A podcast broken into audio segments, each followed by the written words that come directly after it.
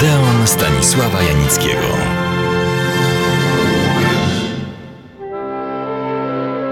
Przed tygodniem opowiadałem o znakomitej aktorce i ciekawym człowieku, jakim była Janet Gaynor. Typowa, a właściwie pod wieloma względami nietypowa aktorka hollywoodzka, która, dla przypomnienia, otrzymała pierwszego Oscara w roku 1927 za najlepszą rolę filmową. Mówiąc ściśle, to otrzymała Oscara za swoje trzy role. Taki przypadek już się nigdy nie powtórzył. Te trzy role pochodziły z omówionego przeze mnie znakomitego filmu Wschód Słońca oraz za rolę w filmach Siódme Niebo i Anioł ulicy. Siódme Niebo to dramat wojenny, dotyczy I wojny światowej, którego głównymi bohaterami są paryski kanalarz i biedna dziewczyna Janet Gaynor, mieszkająca na obrzeżach stolicy Francji. Ich drogi w pewnym momencie się krzyżują. W Aniele ulicy gra młodą dziewczynę, która stara się zdobyć, nawet wchodząc w konflikt z prawem, lekarstwo dla swojej ciężko chorej matki. Oba filmy reżyserował Frank Bozicz, sprawny i ceniony reżyser hollywoodzki. Obu partnerem Janet Gaynor był Charles Farrell. Pisano o nich że są najbardziej kochaną przez Amerykanów papuszkową parą nierozłączną. Po prostu reprezentowali ten sam, a może tylko bardzo zbliżony do siebie styl gry i nadawali granym postaciom subtelną wrażliwość, delikatność, znaczną naiwność, dobroć i słodycz. Nawet wtedy, kiedy Janet Gaynor grała prostytutki czy kobiety, które zeszły na złą drogę. Za tymi rolami poszły następne. Janet Gaynor bez wysiłku pokonała barierę dźwięku, co nie wszystkim aktorom i aktorkom się udało. W sumie pojawiła się na ekranach w 35 filmach. Jak już wspomniałem, była w 1934 roku najlepiej opłacaną, przynoszącą największe wpływy kasowe aktorką hollywoodzką. Lecz powoli jej sława zaczęła blednąć.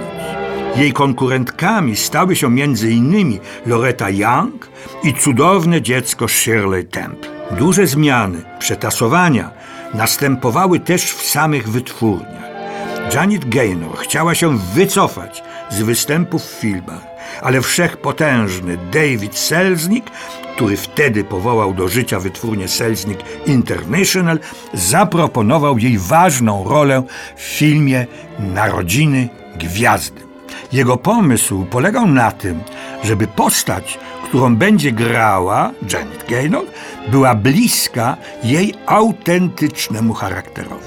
Więc miał to być splot wdzięku, humoru, wrażliwości i niewinności, ale i zdecydowania czy pewnej bezwzględności.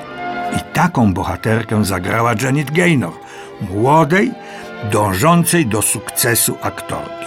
Jej partnerem był Frederick March.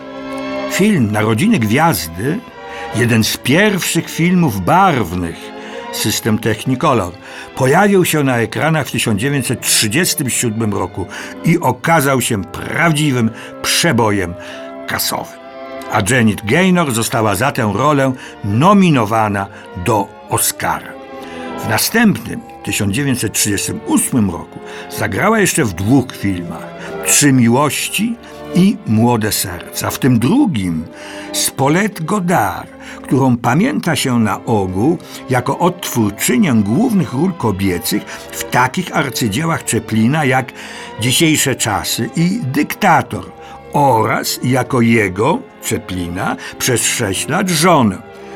Janet Gaynor po filmie Młode Serca wycofała się definitywnie z filmu. Po pewnym czasie zapytana oświadczyła. 17 długich lat pracowałam z pełnym oddaniem. Grałam w filmach i tyle wiedziałam o życiu. Wreszcie postanowiłam mieć czas i na coś innego. Przede wszystkim zapragnęłam się zakochać, wyjść za mąż, mieć dziecko. I zrozumiałam, że na to wszystko potrzebny jest czas. I dlatego przestałam grać w filmach. I stał się cud. Wszystko to, o czym marzyłam, spełniło się.